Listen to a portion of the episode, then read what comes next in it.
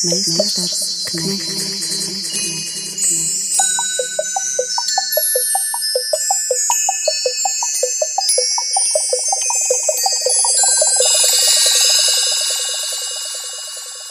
Meistars Knechts. Sveicināti redzējumā, Mēsters Knekts pie mikrofona Māra Rozenberga un Arests Silabriedis. Labdien! Un nākamās 60 minūtes mēs runāsim par iespējamo domāšanas sakārtošanu un no sarunbiedriem uzzināsim, vai tas vispār ir iespējams, un varbūt arī zināsim kādu padomu dzirdēt, kā tas ir iespējams un kas ir sarunbiedri. Teātra kritiķe Undīna Adamaite, filozofs Sigors Švajevs un režisors Mārtiņš Eihe. Un mēs vēlētos sākt ar gluži personisku pieredzi, vai ne? Jā. Nu, pat jau mēs vairāk kā mēnesi esam vadījuši gandrīz citādākā realitātē nekā pirms 24. februāra. Nenoliedzami tas ir skāris ikvienu no mums.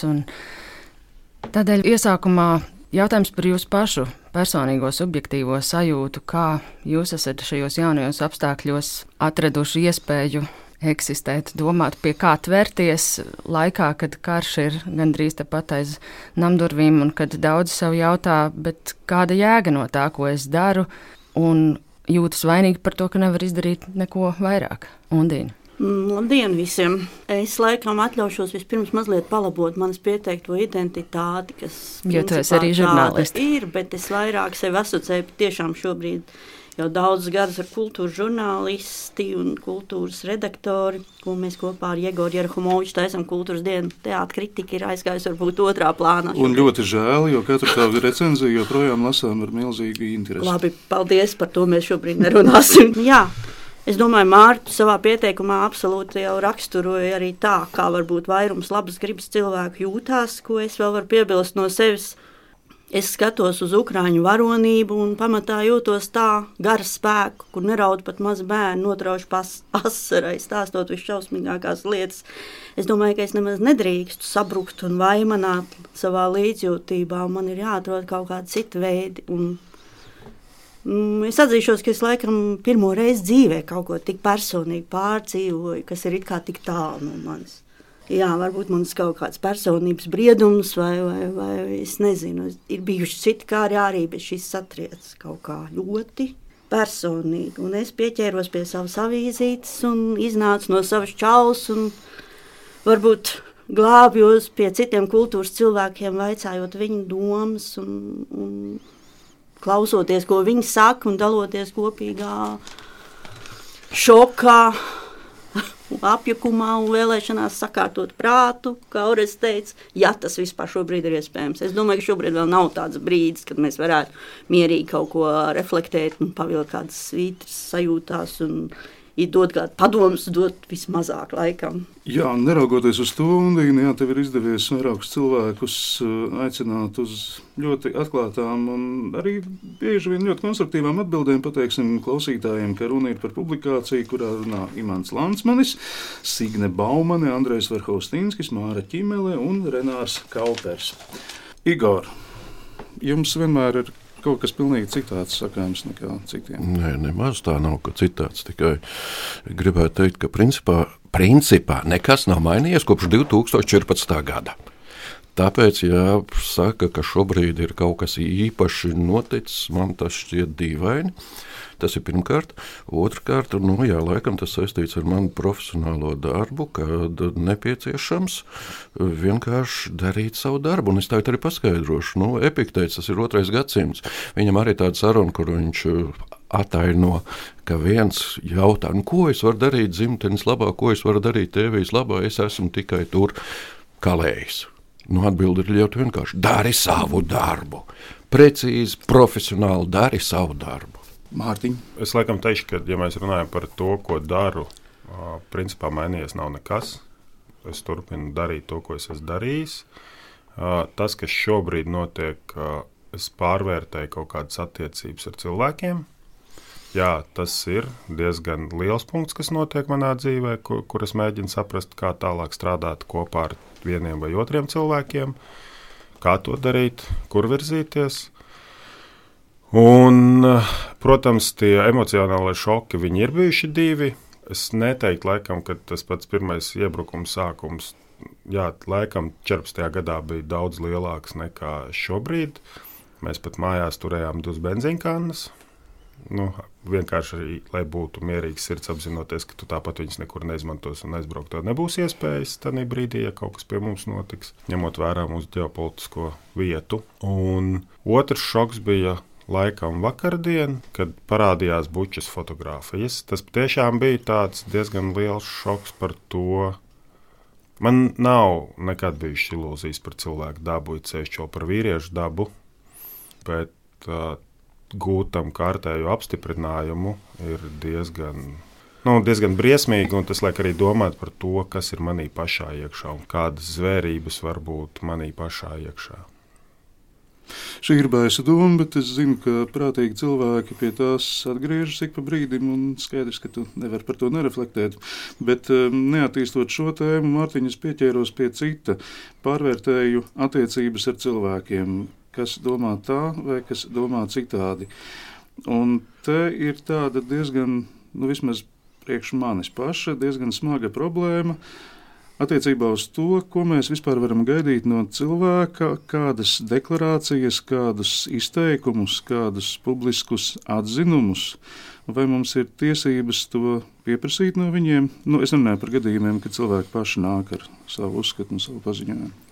Es domāju, nu šobrīd šīs dienas pārliecība man saka, ka nē, ka tā ir paša cilvēka izvēle, bet mēs varam analizēt to, ko teiksim, kāds ir teicis. Ja mēs atceramies, piemēram, Alvi Hermanu, kurš divus vai trīs gadus atpakaļ pirms Gorbačova iestudējuma visiem skaļi stāstīja, ka viņam ir draugi Maskavā, kas pazīst Putinu, un tāpēc viņš ir izņemts no melnā saraksta.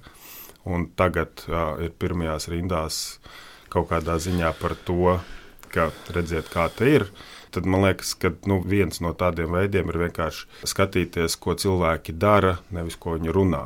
Man liekas, tas ir lielāks izvērtējums nekā vienkārši ko mēs deklarējam, bet tas, kādas ir mūsu rīcības šī nu. kontekstā. Alus Hermanis, JRT trupā ir uzņēmis aktrisu Čopanu Hamatovu šobrīd. Jā, bet mēs arī dzirdējām, ko viņš Facebookā atbildēja Gundagai Laiviņai.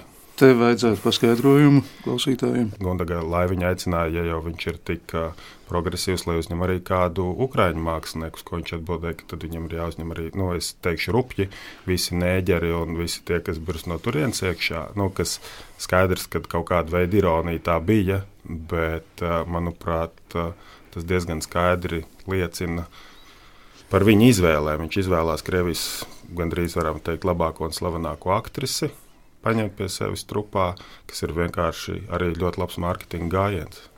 Šķiet, savā atbildē Gundagai Laiviņai es arī šo sarakstu lasīju. Man liekas, ka viņš mēģina ironizēt par šo, kā tagad saka angliski, vatabautismu, jeb, bet jā, nu, bet jā, nu, proti mēģinam piedāvāt vēl dažādus alternatīvus variantus, ko vēl, kā vēl vajadzētu rīkoties. Bet jautājums varbūt plašāk par šo Čurpans Hamatovs gadījumu. Jā, protams, šis ir, šī ir viena ļoti slavena aktrise, un viņiem ir bijis iepriekš kontaktu viņa ir spēlējusi Raisu Gorbačovu viņa izrādē, un, protams, ka šāds gājiens no Hermaņa puses tādā gadījumā ir arī saprotams, bet vai mm, jūs sagaidītu, ka arī kādas citas Latvijas kultūras iestādes vai varbūt, es nezinu, kultūras ministrijas līmenī būtu kaut kāda tāda proaktīva, izlēmīga rīcība šai jautājumā, proti ne tikai par melnajiem sarakstiem, bet arī par tiem, kuri meklē patvērumu? Kādas ir jūsu sajūtas? Es varu iekomentēt to, ko mēs izdarījām kultūras galvaspilsētas sakarā priekš Daugavpils. Mēs veidojām vienu no līnijām, kurā to mēs vēl darījām pirms nu, teiksim, kara sācinājuma situācijas.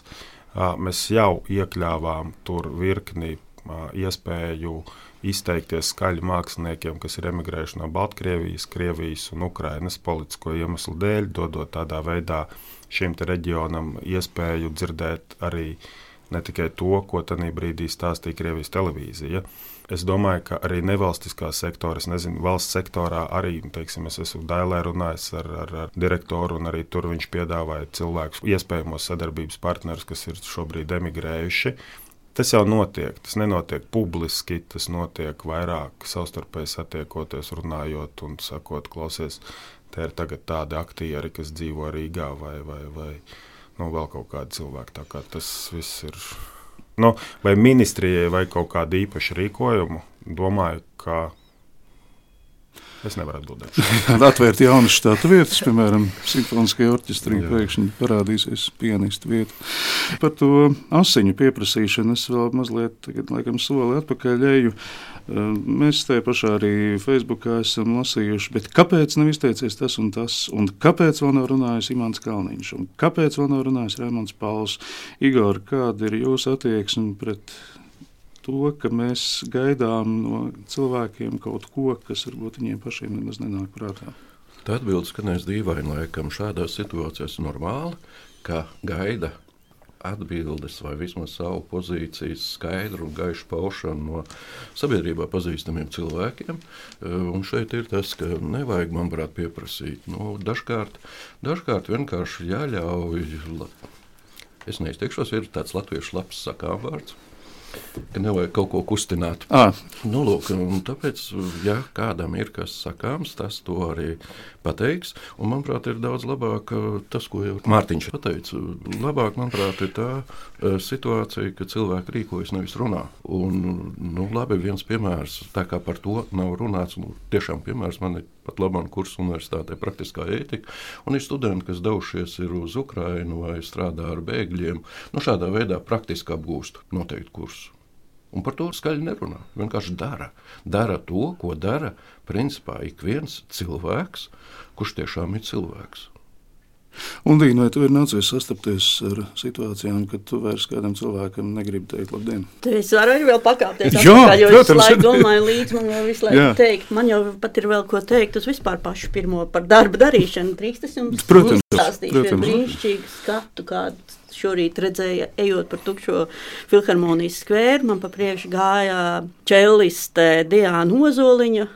Ļoti brašā, apņēmīgā solī un uz muguras nes milzīgu baltu savu čēlu un gāja uz filharmoniju. Ģildi mēs sakām, tā lūkais veco laiku cilvēks.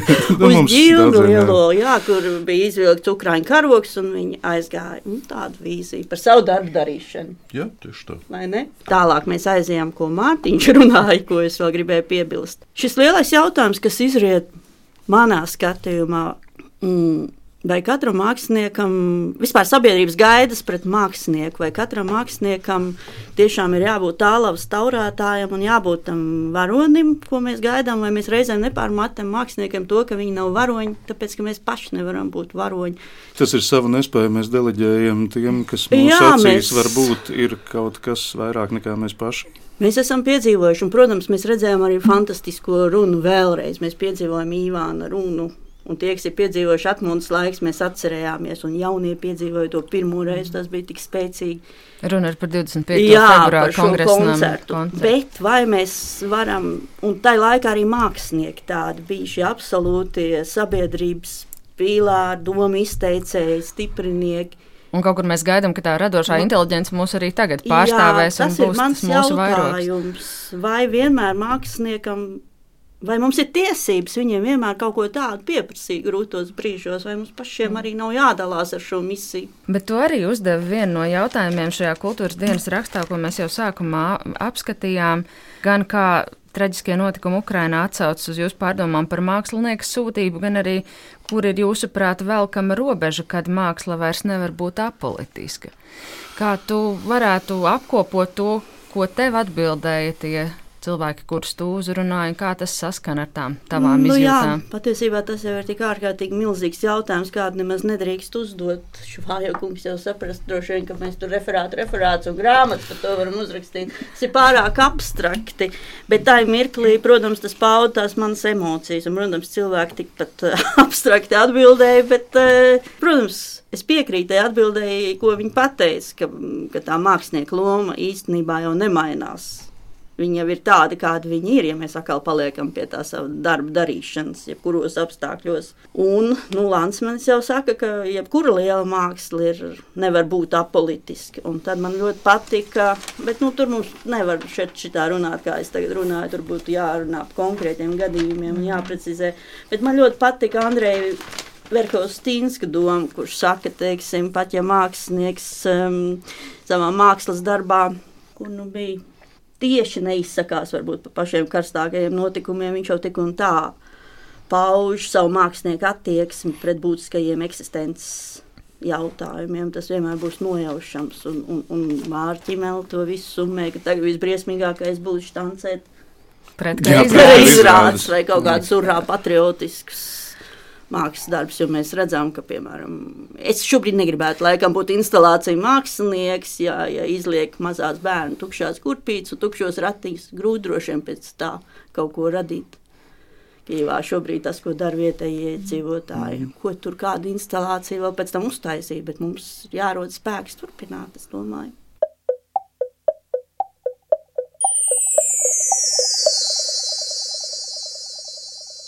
Bet kā sarunāties? Es tieši par to domāju. Nu, Mārķis Čimēls saka, ka nešķancēsim pret kā izrādes, un tas patiešām arī liekas tā banāli. Bet, bet kā tad tā- caur to savu darbu sarunāties šobrīd ar skatītāju Mārtiņu? Jūs teicāt, ka jūs savā darbā šobrīd turpināt darīt to pašu, ko iepriekš, bet ņemot vērā visu to, kas notiek fonā, vai tas īsti ir iespējams?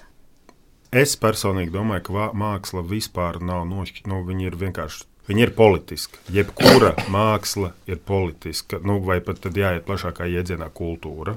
Tāpēc, ka viņa jebkurā gadījumā pauž manu pārliecību, vienalga, kāda tā būtu, humanisms, vēl kaut kas, vēl kaut kas. Vienalga, par ko es taisu izrādi, es tajā to savu pārliecību lieku. Man liekas, ka tie cilvēki, kas izmanto mākslu politiskiem mērķiem, visbiežāk apgalvo, ka vajag nošķirt mākslu no politikas. To nav iespējams nošķirt, tāpēc ka viņa vienkārši tāda ir. Jo mans pasaules uzskats, viņš nav atraujams no tā darba, ko es taisu. Es nezinu tādus gadījumus. Un, man liekas, ja mēs ejam tajā vēl vairāk tajā popkultūras līmenī, tad uh, veids, kādā tiek cilvēkiem. Uh, Ir ceļš, ja mēs skatāmies uh, Krievijas uh, to popkultūru, tad uh, mēs ļoti precīzi redzam, kā tur tiek, vai Amerikas, Holivudu, kādā veidā tur tiek iestrādātas tās idejas, ko pārstāv šīs valstis. Un jebkurš no tiem darbiem neatraujami ir saistīts ar politiskiem uzstādījumiem, kas ir šajos cilvēkos, kas rada tos darbus. Nu Jā, nu varbūt tur klasiskās mūzikas izpausmēs vai, vai laikmatīgās mūzikas ir mazliet grūtāk saskatīt tieši politisku kaut kādu nu, to, bet vienalga tas cilvēks pārstāv kaut kādu domāšanas veidu ar to savu mākslu. Šeit ļoti gribas piebilst eh, Renāra Kaupera teikto vairākās intervijās, tā skaitā arī Undīnai par to, ka tad, kad viņam jautā par mākslas un politikas un saistību un kaut kādu tādu pozīciju ieņemšanu, tad viņš eh, atceras eh, Krievu klaunu Slavu Polūņinu, kurš ir teicis, ka ja kaut kur ir konflikts, man ir jābūt abās pusēs, lai atgādinātu par cilvēcību. Jā, bet tā jau ir politiska nostāja. Pag, pag, varbūt vajadzētu apstāties pirmkārt par tā saucamo prātu vētru. Pietiekami ātri apsviedās otrādi. Tas nav tas sliktākais, protams. Vakar noskatījos interviju ar Kauperu, ko raidīja Ukrainā. Nožēlojami. Un, eh, tāpēc iespējams šajā gadījumā labāk ir tā attieksme, kas tiek šobrīd uzturēta attiecībā pret Annu Repko, neatjaunojot ar viņu darba attiecības. Nu, būsim godīgi. Tas, ko Mārtiņš jau teica, nav mākslas ārpus politikas. Tas tāpatās, ka pateikt cilvēkam neelpo. Māksla ir politika. Es tikai piebildīšu ne tikai, ka tā māksla, ko izmanto, un tad runā par nepolitisku, ir vēl arī tāda, nu, es nezinu, varbūt pieklājīgi varētu nosaukt viņus par izpildītājiem, apkalpotājiem. Nu, izpildītāji, apkalpotāji, protams, ar teiks, mana māksla, mans sports, mans nezinu kas, tas ir ārpus politikas. Nu, nav tā, nu, ja tu esi apkalpotājs, nu, tad zini savu vietu. Jā, nu, paskaidrosim varbūt klausītājiem par Annu Trepko. Viņa ir iebraukusi diezgan dziļās auzās ar to, ka nespējot vai nevēloties precīzi noformulēt savu attieksmi, vienalga vai nu tādu, kādu no viņas gaidīja pasaule, vai tādu, kas atbilst viņas pārliecībai, viņa šobrīd eh, netiks uz Ņujorkas metropoles operas skatuves, un viņa netiks jūnijā dziedāt Novosibirskā. Jo priekš Novosibirskas viņa ir izteikusies pārāk skarbi, un priekš Ņujorkas viņa ir izteikusies pārāk maigi. Tad, ko tas nozīmē? Ka cilvēks laipojot faktiski nonāk grāvī. Ne tikai vienkārši ir situācijas, un šajā gadījumā ir elementāra slaktiņa, un slaktiņa gadījumā tev ir jāpauž savu nostāju. Palikt pa vidu, tu nevari. Pa vidu vispār, ne, nu, jā, pa vidu, Jā. lūdzu, nu, dodieties, dodieties uz buču, dodieties uz citām vietām un nostājieties tur. Un pēc tam runājiet, Pēc ka tam jūs esat jā. apolitisks, ka jūs nevarat nostāties, ka jūs esat samierinātājs un nezinu kas. Undīna.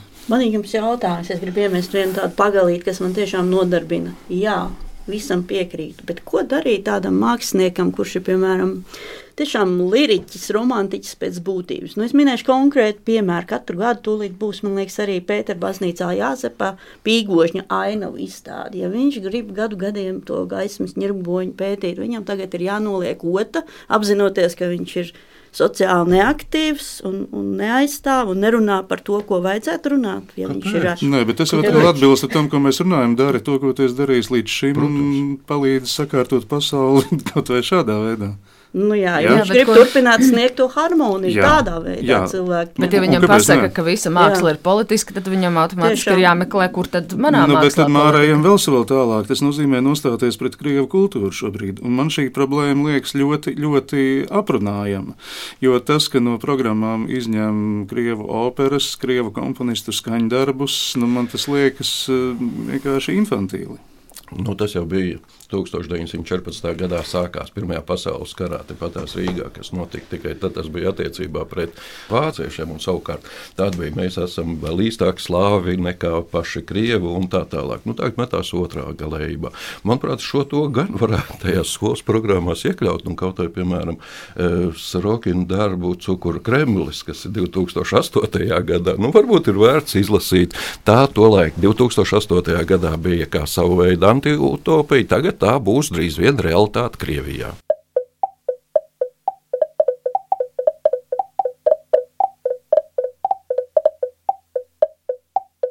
Un, protams, tas, ko Orests minēja, tas jau ir vienkārši jauns barbarismu akts. To jau savādāk nevar nosaukt. Nu, tagad. bet mēs ar to saskaramies. Jā. Nu, kā cilvēkiem kaut kā mierīgi pateikt, nu, kā, kā nošķirt? Valentīns Silvestrovs krieviski runājošs ukrāņu komponists. Krievu valoda ir viņa dzimtā, tā ir viņa ģimenes valoda, bet, nu, protams, mēs viņu identificējam kā ukrāņu komponistu, protams, viņš pats sevi identificē, un tagad viņš ir laimīgi no Kijivas eh, pārcēlies uz Berlīnu. Pats viņš nebūtu braucis, viņš to darīja meitas un mazbērna dēļ. Un viņš vienā intervijā saka eh, par, nu, atgādina par slaveno Pētera pirmā logu. Saka, Pēters pirmais izcirt logu uz Eiropu, pa to plūda iekšā mūzika, filozofija, kas tik ne. Un tagad Putins šajā logā ir izkārs savu pakaļu, bet mums nevajadzētu domāt, ka tā ir Krievijas seja. Krievijas seja joprojām ir Krievijas kultūra. Manuprāt, atbilde jau ir pateikta. Nu, tāpēc, ka kultūra ir autori visdažādākajās jomās, kuru darbi ir izmantojami. Citu ir krievu autori. Atkal, citu ir viena diezgan liela problēma šajā ziņā, manuprāt, Latvijā. Proti, runājot par Krieviju, tūdaļ patiek runāts par Krieviem. Krievijā ir ļoti daudz dažādu etnosu cilvēku, un eh, nevajag visus padarīt par Krieviem. Tas būtu pirmkārt. Un turklāt daži, kurus dēvē par krieviem, man ir tāds aizdoms, nemaz krievi nav. Tie ir kaut kas pilnīgi citi. Nu kas? Bez identitātes cilvēki. Nu, teiksim tā, varētu varbūt viņus nosaukt par nekādiem. Nu, jā, Tie ir tādi nekādi, kuri dēvējas, ka viņi lūk, esot krievi, ka visur ir mēs, mūsu un tā tālāk un tā joprojām. Nu, principā tās ir mūsdienīgās rasismu formas kopā ar fašismu identificēt un nosaukt viņus par krieviem. Te, nu, manuprāt, nekāda pamata nav. Nu, tie vienkārši ir nekādi, kas var būt itin visādi. Un tā problēma ir, ka viņi runā krievu valodā. Nu, jā, mm. bet var to, piebilst sliktā krievu jā, valodā. Jā, bet mēs līdz ar to viņus identificējam ar to krievu kultūru, un tas nu, ir diezgan skarbs, skarbs, skarbs jautājums, jā, kā, kā to izmainīt. Uh, Es arī esmu pilnīgi pret to, ka mēs pārtraucam vai vispār kaut kādā veidā vairs. Nu, kā nu mūsu, nu mūsu kultūra telpā arī ir ļoti daudz krieviskās kultūras Latvijā. Un, nu, ja mēs to sāksim iznīcināt, nu, ar ko mēs atšķirsimies, tādā brīdī no Krievijas? Ne ar ko. Man liekas, ka tā ir tāda vieglākā ceļa iešana. Mēs dzirdam, krievu valoda, krievu komponists, krievu kaut kas, krievu sāk kļūt par lamu vārdu, un nu, daudz vieglāk ir nošķirt uh, labs, slikts. Cilvēka tajā šobrīd šausmīgi nospriegotajā psihē, un izmantojot Valentīna Silvestrava līdzības par, nu, droši vien, ka vienkārši šobrīd tā, tā pakaļ ir tik daudz labāk redzama par to seju, ja, un, un ir jāpiespiežās, lai to seju saskatītu un, un saprastu, ka, nu, tā, es atvainojos, pakaļ nav viss gluži ķermenis. Ja. Es, es nesen klausījos vienu interviju, šķiet BBC, tas bija ar kādu Starptautiskā uzņēmumā strādājuši Maskavā, strādājoši krievieti, kuras uzņēmums bija nolēmis visus savus darbiniekus pārcelt strādāt citur, un viņai arī bija jāpieņem lēmums doties prom no Maskavas. Viņa teica, man nodarbina jautājums, kā es varēšu visu mūžu tagad atvainoties par to, ka es esmu krieviete. Un tas man liekas briesmīgi, Tas jautājums jau būs visur. Mēs vakar redzējām Berlīni. Skaidrs, ka tas ir ļoti arī profesionāli uztaisīts gājiens, kad cilvēki dodas nevis ar kājām, bet brauc ar mašīnām. Jo 5000 mašīnas ir daudz iespaidīgāk mm nekā nezinu, 10 000 cilvēku, kas varbūt tās sēdē kopā tajās mašīnās. Protams, ka tā ir ļoti spilgta atšķirība starp Krieviju un Eiropu, kur šāds gājiens var notikt, kas pierāda to, kā atšķirās demokrātija no nedemokrātijas bet vienlaicīgi tas būs ļoti liels spiediens uz Eiropā un arī šeit Latvijā dzīvojošiem un citur. Nu, es domāju, tādā nozīmē dzīvojušiem krievu cilvēkiem. Kādā veidā mēs identificēsim, kā mēs sapratīsim un kā mēs spēsim vienoties par to, nu, rupji runājot, kurš krievs ir kurš. Un, un, un, tas būs diez, nu, un tas būs ļoti politiski asins jautājums, ko izmantos abas puses. Un ne tikai kurš krievs ir kurš, bet kurš Ukraiņš ir kurš, jo Latvijā Jā. ir diezgan daudz Ukraiņu biedrību, un kultūras ministrija izsūtīja dažām iestādēm diezgan precīzi sarakstu, ar kurām Ukraiņu biedrībām nevajadzētu sadarboties. Tagad, piemēram, zinām, zinām pasākumu rīkotāji, piemēram, Viņi modelē situāciju. Nu, lūk, tagad uznāks uz skatuves viena tāda Ukrāņu apvienība, un pirms sava priekšnesuma viņi pateiks Slava Rasija. Mm. Nu, tagad ko darīt? Nu, man personīgi liekas, ka tā nav nekāda traģiska ārpus kārtas situācija, jo cilvēki vienkārši nāk, pasaka, ko viņi domā, mēs zinām, ar ko rēķināties, bet iestādēm noteikti ir bail no tām. Jā, tā varētu būt, bet viens ir institucionālais risinājums, uh, otrs ir individuālais uh, risinājums. Nu, un, piemēram, ja būtu šāds pasākums un šāds cilvēks uh, kaut ko tādu pasakā, manuprāt, varētu būt reakcija, atbilde visnotaļ vienkārši piecelties un iziet un aiziet. Nu, jā.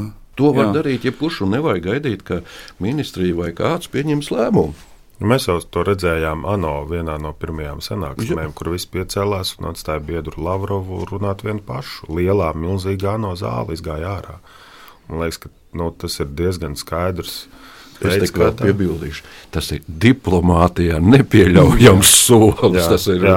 Nu, bet tagad ir precedents, vai ne? Ir precedents, jā. jā, jā. Nu. Un kāpēc, lai katrs ik viens nevarētu rīkoties tā arī ikdienā? Jā, protams, no nu, es vēl piebildīšu, lai nošķirt, nu, Latvijā tomēr varētu būt daudz mums pazīstams, jo viņš arī Latvijā ir bijis. Tas ir Dmitrijs Bikovs, e, dzēnieks, rakstnieks un e, žurnālists, kuru mēģināja Krievijā nogalināt. Īsnībā varētu brīnīties, kāpēc tik maz cilvēku no Ukrainas un Krievijas ir Latvijā. Palūkojoties tepatās, kā parasti salīdzina Latvijā, Igauniju un Lietuvu, tur daudz vairāk ir cilvēku. Bet tāpat jau mums netrūks tādu, kuri saka, ka tie, kuri tagad bēg no Krievijas, jau bēg tikai no sankcijām, nevis no Putina mm. režīma. Es nedaudz precizēšu, es teicu cilvēki, es neteicu nekādi. Un tas vienmēr būs, un nav ko izlikties, ka pēkšņi tagad e, tīriem, baltiem cimdiem un baltā halātā šo asiņaino jēzgu izdosies atrisināt. Nē, tas nebūs, tas būs ļoti sāpīgi, grūti, e, arī individuāli ģimenes dzīvē.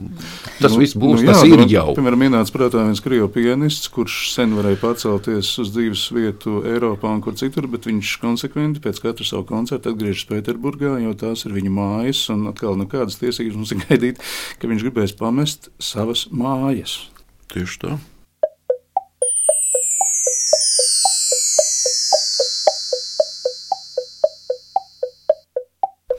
Es vēl gribēju atgriezties pie tā jautājuma par tiem individuāliem risinājumiem ikdienā. Jūs domājat, ka mēs katrs esam diezgan bieži sastājušies ar šīm ikdienas situācijām, kad, ko, ko, ko man tagad darīt. Un man iekrita prātā tas, ko Imants Lansmans un Dīna tev bija teicis, ka šis ir laiks, kad mūzis paklusē. Galvenais ikvienam vispirms ir jābūt pilsonim, cilvēkam, kas spēj atšķirt labo no ļaunā un grib to paust savai apkārtnē. Un es domāju, kā ir ar to paušanu? Kā jums šķiet, vai tas ir mūsu pienākums pilnīgi katram šobrīd, vai tā joprojām tomēr ir katra iekšēji brīva izvēle. Nu, es saprotu, ka karodziņš pie mēteļa vai, vai pie profila bildes Facebookā tā ir viena lieta, bet, bet ko tālāk? Kā, kā jūs sev atbildat uz šo jautājumu? Nu, es varu pateikt diezgan konkrēti par sevi. Tā kā es esmu hiperemocionāls cilvēks, es saprotu, bet drusku arī ar prātu. Es apzinos, ka emocijas šobrīd nav galvenais. Un es, piemēram, Facebookā vispār nedalos un nelieku neko tādu, kas vēl to visu varētu kāpināt. Man liekas, ka tas kādam vēl palīdzēs. Man liekas, ka tas viss to novadīs līdz histērijai vēl un vēl, un es izvēlos apzināti paklusēt, un man tas liekas arī labs darbs, godīgi sakot. Bet Jā. mūzām gan nevajadzētu klusēt. Tam es nepiekrītu šim spārnotam teicienam. Jā, pilnīgi noteikti. Ne, un, un Arī, ja tu jautā, ko darīt, nu, kāpēc gan vienkārši neziedot naudu un, un neuzņemt Ukrāņus ģimenē un nedarīt ko tādu? Nu, es zinu, daudzus, kuriem saka, man ir sajūta, ka ar to ir par maz. Es vienalga jūtos bezspēcīgs. Bezpalīdzīgs un vainīgs, ka es nevaru izdarīt vairāk. Es nezinu, un vainīgs teikt, nu, par to, ka es runā, dzīvoju nu, tad... savu normālo dzīvi un atļaujos nedomāt nu, visu laiku. Ja tā runā, nu tad brauc uz Ukrajinu. Nu. Mm. Man, man kaut kā gribas teikt diezgan rūpīgi, laikam. Tas nav rupi, tas ir īstenībā var gadīties ļoti precīzi, bet ar tiem, kas saka, ka gribētu vairāk un nevar neko izdarīt, nu šeit parādās par tas, par ko vajadzētu kādreiz padomāt. Jo izskanēja jau tas jautājums, ko darīt. Šobrīd nevis ko darīt, bet kā darīt. Tas ir tas jautājums, kuru ir nepieciešams risināt. Es zinu, ka, piemēram, vesels, nu, nevar lietot vārdu bars, bet diezgan daudz aktieru un arī dažas aktrises šobrīd ir iestājušās zemesardzē. Mm. Tā ir konkrēta rīcība, Tieši ko tu vari darīt. Es, piemēram, Facebookā nekad neesmu licis nevienu karodziņu, nevienu. Man tas liekas, skaidrs, ka vienā brīdī tas ir svarīgi kaut kādai kritiskai masai. Mm. Bet uh, tur, nu, jā, es daru to, ko es daru. Un arī nošķirot dekoratīvo rīcību no reālas rīcības, droši vien tā. Jā. Citu atgriežoties vēl klāt pie tā, ka Lansmaņa teiktā, ka mūsu paklusē. No dažkārt paklusē, dažkārt neklusē, dažkārt gluži pretēji ļoti skaļi kaut ko pasaka, bet tas, ka ir jābūt cilvēkam, lai nošķirt labo un ļauno, un lai pats nerīkotos ļaunu, tas ir svarīgi. Un šādi var arī atbildēt, nu, ja tas teātris Latvijā ir tā, ka aģita pasākums var rīkot pret karu, nu, tad ir visai skumji. Nu, tie ir ideoloģiski pasākumi, un tā īstenībā nav māksla. Un ja dažs labs režisors profesors līdz šim ir rīkojis un veidojis to, ko varētu nosaukt par šādu e, pasākumu, kā uz skatuves atveidot to, kas ir redzams uz ielas. Nu, laikam tā nav māksla. Nu, varbūt arī nevajag pašiem uzpūst e, kādu par milzīgu izcilu mākslinieku, lai gan īstenībā viņš nav nekāds mākslinieks. Un ar mākslu tam nu, visai attāla saikne. Jā, mēs nonākam bezgalīgi interesantā, jau, jau gandrīz vai citā raidījumā. Es gribētu atgādināt klausītājiem, ka mēs ar Knekta viesi šoreiz ir Tā tad, Undīna, kā man tevi saukt? Kultūras žurnālists. Kultūras žurnālists Undīna Adamaita, filozofs Igors Šavājevs, režisors Mārtiņš Šeiki, redzījuma vad Māra Rozenberga un Orests Cilabriedes, un mums tagad būs mazs mirklis ar Kievas klasisko simfonisko orķestri, koncerts 9. martā, Maidena laukumā. Brīvās debesis.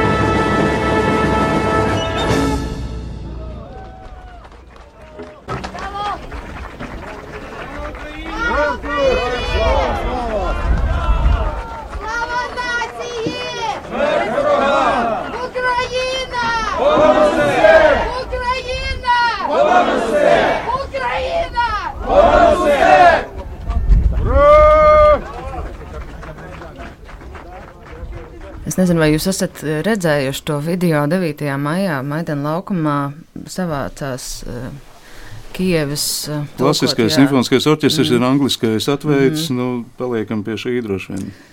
Mēteļos cimdos ar savām pultīm un starp gaisa sirēnām. Es redzēju, Jā, Jā, devīt- bet ir, ir, ir jau Jā. vēl viens pasākums, kur arī nevajadzētu novērtēt par zemu, kas bija Odesā 1. aprīlī.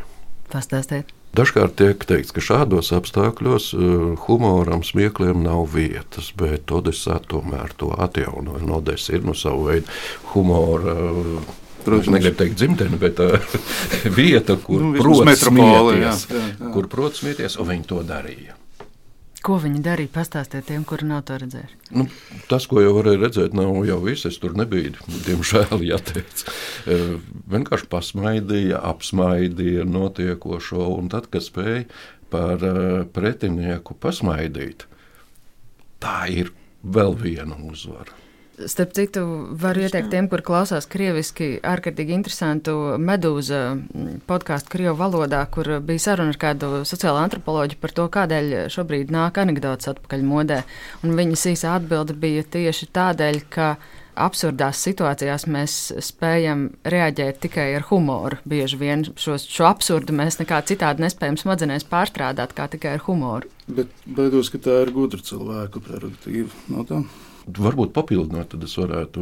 Man gan šķiet, ka e, to, ko dēvē par asprātībām, anekdotēm, jokiem, humoru un tā tālāk, e, ir vismaz vēl viena funkcija. Ja tu nevari tieši e, kaut kādā veidā ietekmēt, tad šādā veidā netieši un svarīgi, lai tas trešais, par ko ir runa, arī to zinātu. Un dīvainā kārtā šādā veidā nu, to pretinieku padara tomēr cilvēciskāku. Arī atņem, manuprāt, nu, man liekas, ļoti bieži autoritīviem līderiem nepatīk, ka par viņiem smējās, Jā. jo tas viņiem atņem to viņu teiksim, Karalisko statusu. dievišķo statusu, jā, un padara par līdzvērtīgu vai pat bieži vien.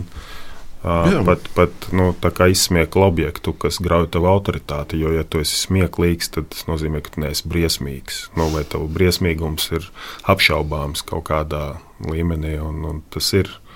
Nu, to, to mēs arī varējām redzēt tajos uh, Krievijas visos uh, humora raidījumos. Es viņus beigās nestos, bet, teiksim, nu, biedri dalās. Un viņi jau tur diezgan ātri ieviesa cenzūru un ļoti precīzi atrada veidu, par ko smieties, par ko drīkst Krievijā smieties. Un tas bija tas, ko skatījās visa Krievija un arī visi mūsu krieviski runājošie biedri visā postpadomu telpā. Un līdz ar to tas kaut kādā veidā arī veidoja viņu vērtību sistēmu. Nu, ja tu smejies par demokrātiju, par mazām valstīm, vājām un visu to, tas lēnām veido tavu priekšstatu, un tas ir daudz iedarbīgāk bieži vien nekā propaganda. Jo, nu, ja jau smējās, tad jau skaidrs, ka tā ir. Un tas ir viens, viens milzīgs, milzīgs lauks, kur, kurā mēs nespējam pretoties un neprotam atrast veidus. Mēs joprojām neesam izveidojuši normālu, nezinu, kabeļu televīziju Baltijas valsts kopā ar Krievijas, kur mēs piedāvātu šādus izklaides produktus šai publikai līdzvērtīgā statusā, kā to dara Krievija. Nu, mēs nevaram gribēt ar mazāk vērtīgu produktu mūsdienās nopirkt skatītāju. Mums ir jāpiedāvā tieši tāds pats produkts, vai pat labāks, jā, lai mēs to skatītāju dabūtu un pārdotu mūsu vērtības, kuras ir ļoti dažādas. Jā. Vi- Viens iestājās par visām ģimenēm, otrs iestājās par citādām, bet tas ir tas, kas mums ļauj dzīvot demokrātiskā valstī, ka mēs katrs varam paust šīs nostājas. Un arī pasmieties par to, cik mēs reizēm, tā kā politikā, kad tu skaties saimā, tribīnē kāpj bļauj viens uz otru, un pēc tam sēž ēdnīcā kopā dzer vīnu un apspriež, ka bija baigi labās debatas. Nu, un tas, man liekas, ir tāds. Nu, jā, es tikai piebildīšu. Es nedaudz vairāk tomēr par to nosacītu komiķu pasauli Ukrajinā. Nu, lūk, viņi varētu ļoti labi piedāvāt uh, risinājumu, jo Saturu, viņiem ir tas svarīgākais. jā. Viņi prot pasmieties paši par sevi. Un, ja tu prot pasmieties pats par sevi, tu esi principā gandrīz vai neuzvarāms. Un Līga. Jā, es pie tā paša gribēju piebilst. Protams, tas ir fantastisks spēks, spēja pasmieties. Un, Es pat redzēju tādu vienu video, kur uh, Odesā minētajā arī māte ar pusaugu meitu stāvēja pie savas degošās mājas, un viņas burtiski ņirgājās, acīs smējās tam Putinam. Es abrīnoju, es tā nespētu. Bet tā varbūt ir arī histērijas forma. Nekas nē, ne? viņš Ne? bija pie pilnas apziņas. Un tad es vēl gribēju pieminēt Primo Leviju attēlu Dācis Meijers tulkojumā, kur ar man bija ko aizdomāties par mm, koncentrācijas nometnē izdzīvojušā piezīmes.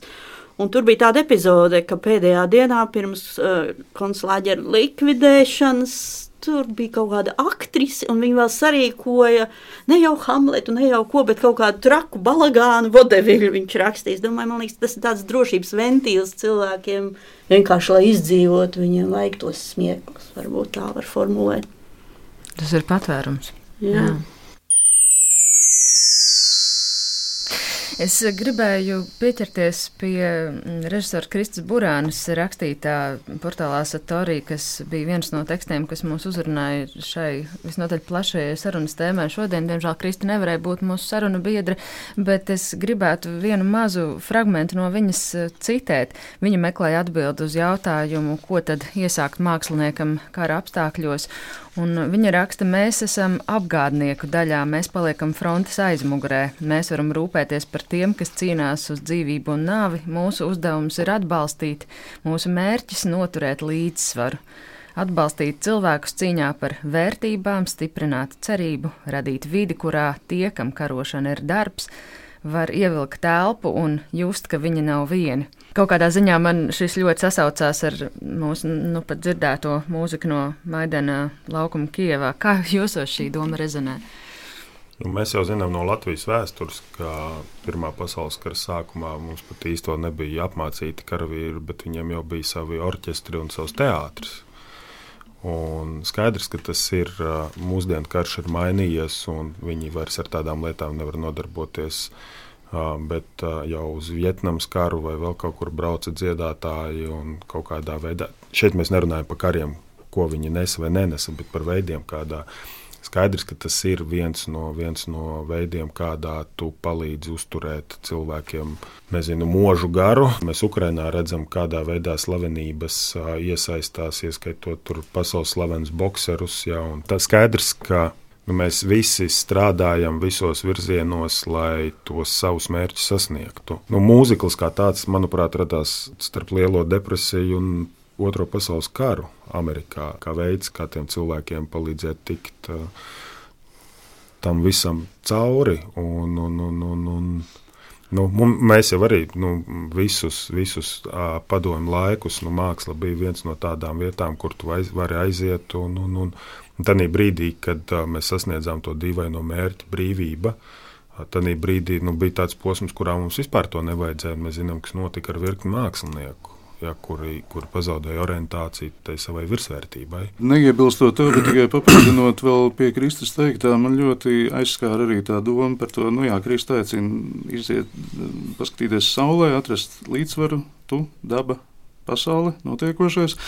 Un, ja tu zini, kā šo sajūtu radīt koncerta zālē vai teātrī, tad uz priekšu ej un taisi savu mākslu. Man kaut kas likās ļoti simpātisks šajā, šajā domā. Man jau liekas, nu, tad jau droši vien, kad ir šis raksts jāvīk kopā ar to sprediķi, kur es teikšu, izlasīju paviršu, un lai nopietni varētu lasīt, viņš būtu kāds reizes 4-5 jāpārlasa.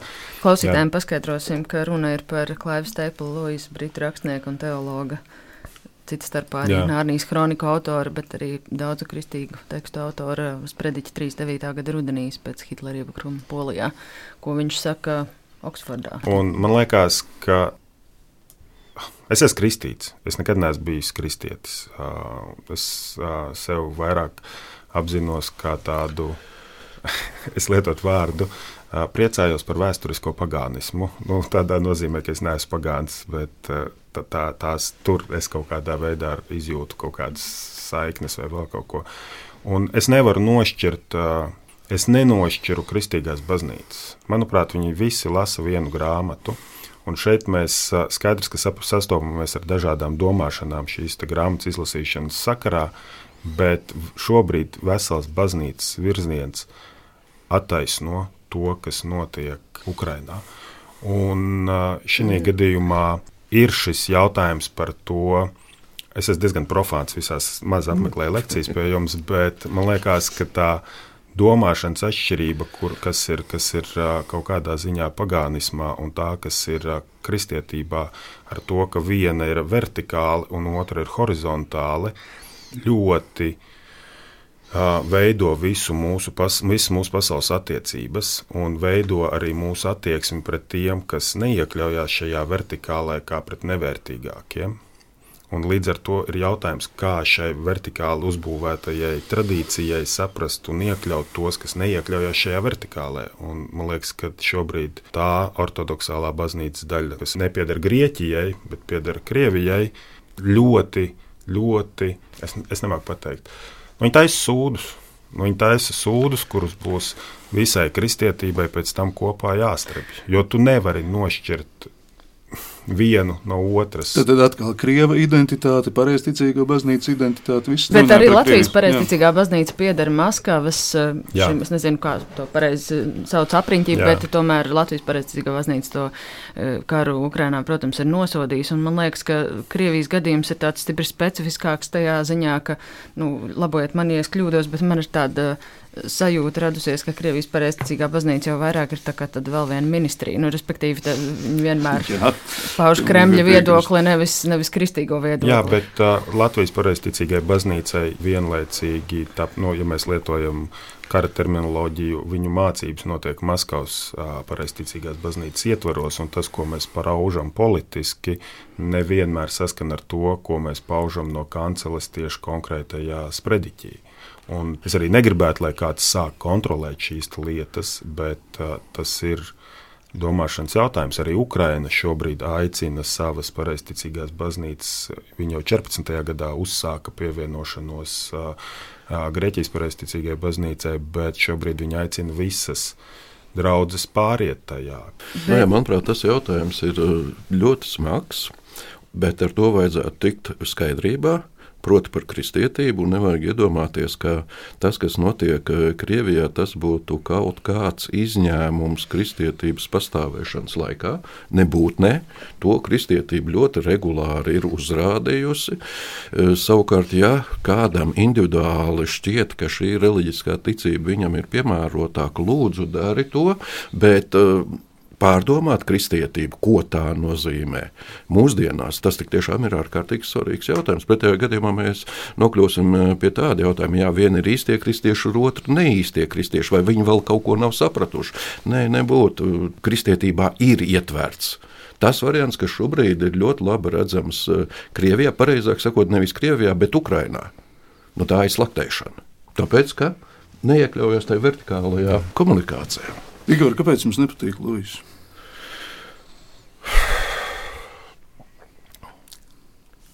Es esmu visai piesardzīgs attiecībā pret eh, kristiešiem. Kāpēc jums tik ļoti patīk Nīča? Viņš mēģināja tikt skaidrībā ar kristietību. Jā, un diezgan Visu nesaudzīgi. Nesaudzīgu. Un acīm redzot, tā sauktā rietumu pasaule, tā sauktā Eiropa vēl nav eh, no šo norēķinu sniegusi un tikusi skaidrībā, kas ir kristietība, kāda tā ir.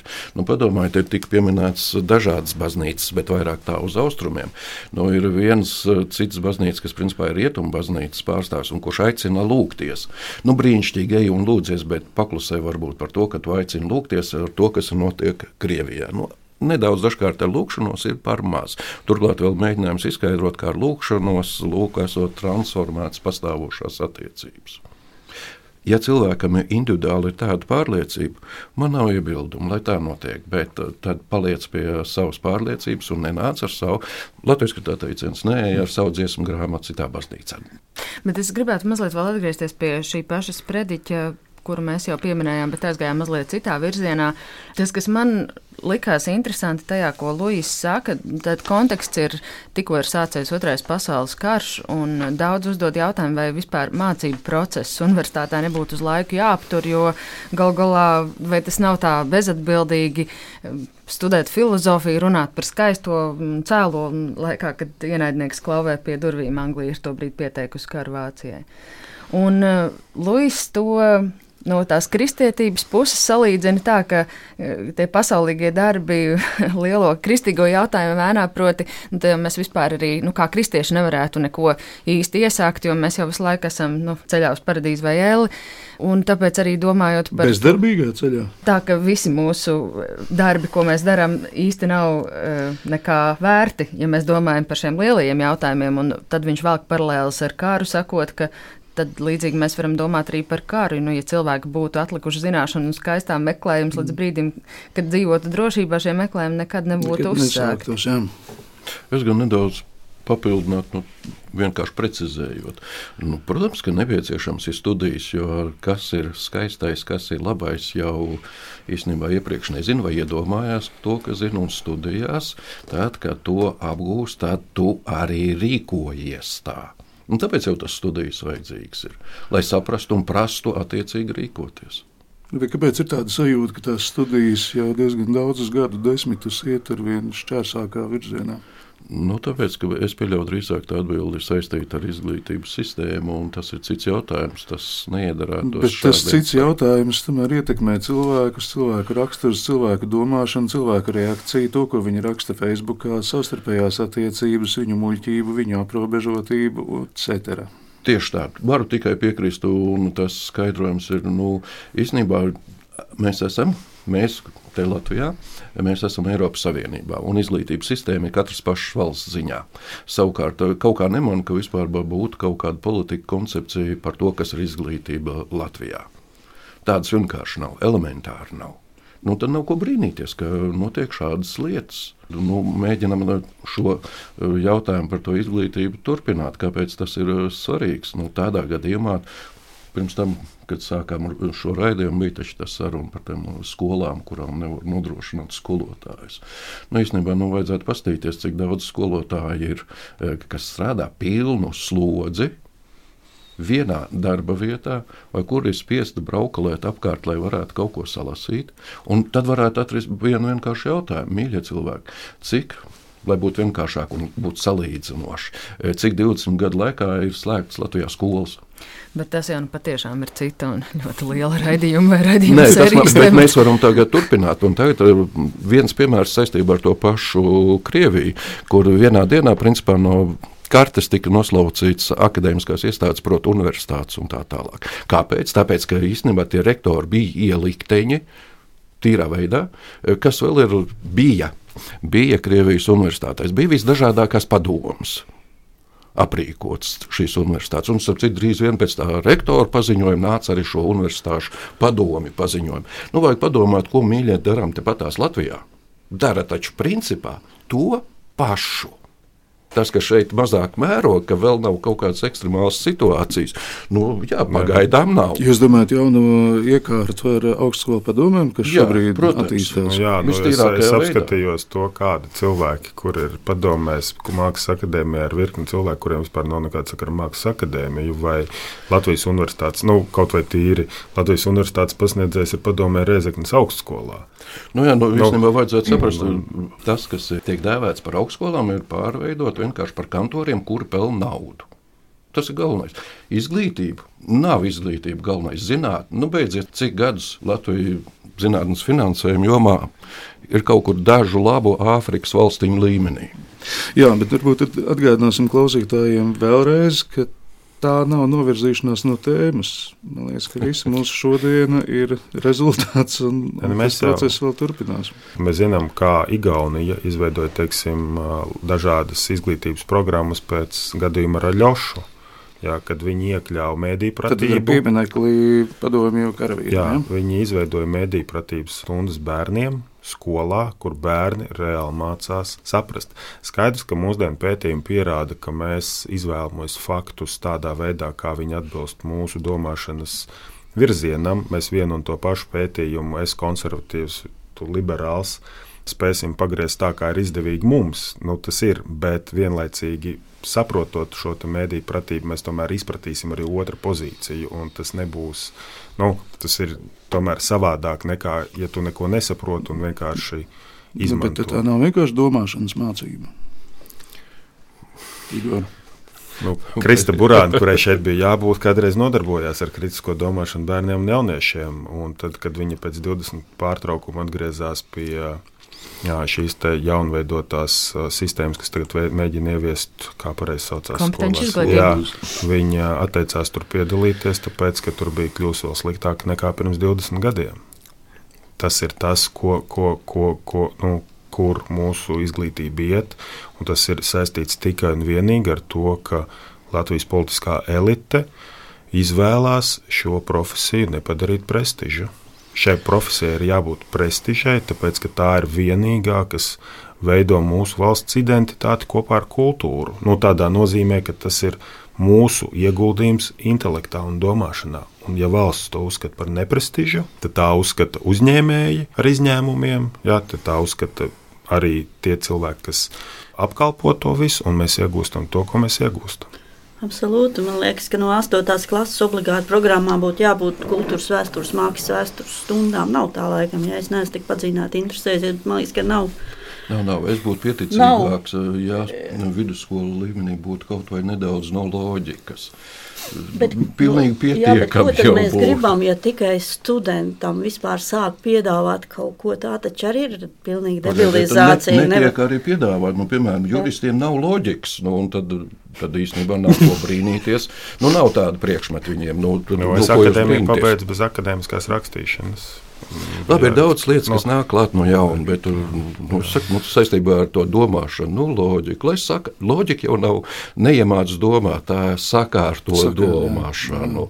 Nu, ja vēl skolās būtu kaut kas nedaudz no ētikas, arī jau būtu brīnišķīgi.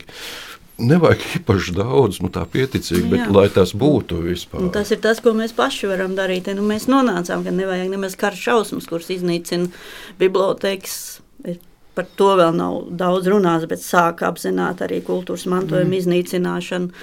Un gribu pieminēt tādu gadījumu, ka manā māsa ērģelniece Kristīna Adamaita teica, ārprāts, es taču pagājušajā gadā tur spēlēju Harkivas koncerta zālē ar ērģelēm, viņi līdz noslaucīt. Bet par ko mm. es runāju? Par to, ka nevajag kara šausmas nemaz, ko mēs mm. paši šeit darām, liekam sev Savā valstī, pieeju jā. savā Mm. valstī, elementārām kultūras mantojuma saknēm un, un kā cilvēki no tā rodas. Visai Nu. apdalīti spriedzspējās. Mēs, mēs Taņas dzimšanas dienā izrāda mums bija tāda. Mēs vienmēr atļāvāmies mazliet ironizēt par to, nu, kā mēs mīlam dziesmu svētkus un visu to, bet, piemēram, Latvijas izglītības programmā tautas dziesmas kā obligāts pasākums ir iekļautas divas 12 gadu laikā, kas ir obligāti jāapgūst bērniem, divas tautas dziesmas. Tas ir tāds, nu, Skaidrs, ka tas izriet no katra skolotāja, bet uh, tas arī kaut ko liecina par kaut kādām kopējām tendencēm. Un, un, un, un otra lieta, liekas, kas ir, nu, ko mēs vispār nestrādājam un nerunājam izglītības tajā visā saistībā, ir uh, tas, kas mums ir taņas dzimšanas dienā, 9. maija. Mēs vēl joprojām ļaujam saglabāt šeit narratīvu par to, ka Padomju Savienība uzvarēja. Mēs nevis šeit runājam par to, ka Padomju Savienība bija viens no sabiedrotajiem, kas piedalījās Otrajā pasaules karā, viens no visdivdomīgākajiem, nu, es nezinu. No kaut kādā ziņā mēs šobrīd jau apzināmies, ka bolševisms bija sava veida fašisms. Jā, viņš piedalījās šajā karā, un tas palīdzēja ar nenormāliem zaudējumiem, cilvēciskiem, nu, uzvarēt mums visiem kopā, bet tas nav vienas konkrētas valsts uzvaras karš. Un mēs par to nerunājam. Mēs tikai strīdamies, vai tad svinēt 9. vai 8. maijā. Uzveica vienu agresoru, bet otrs agresors palika pie varas. Es tikai nedaudz precizēšu, jo bieži vien arī to sajauc. Nebija nekādas padomju armijas to laiku. Bija sarkanā armija. Padomju armija tika izveidota 1946. gadā.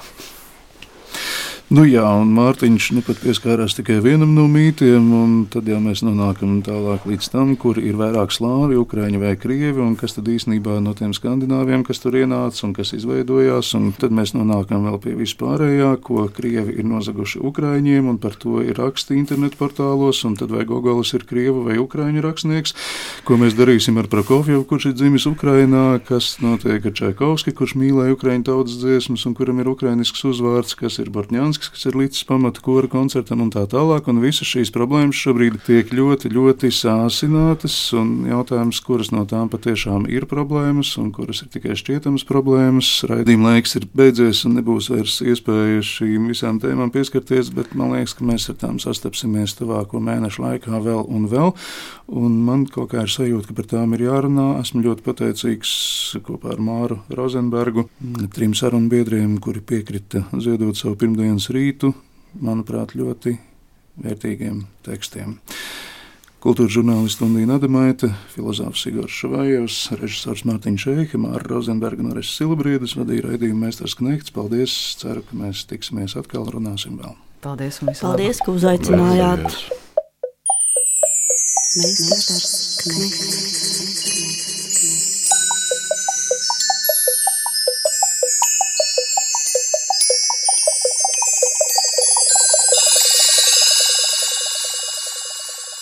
Meistars Knechts.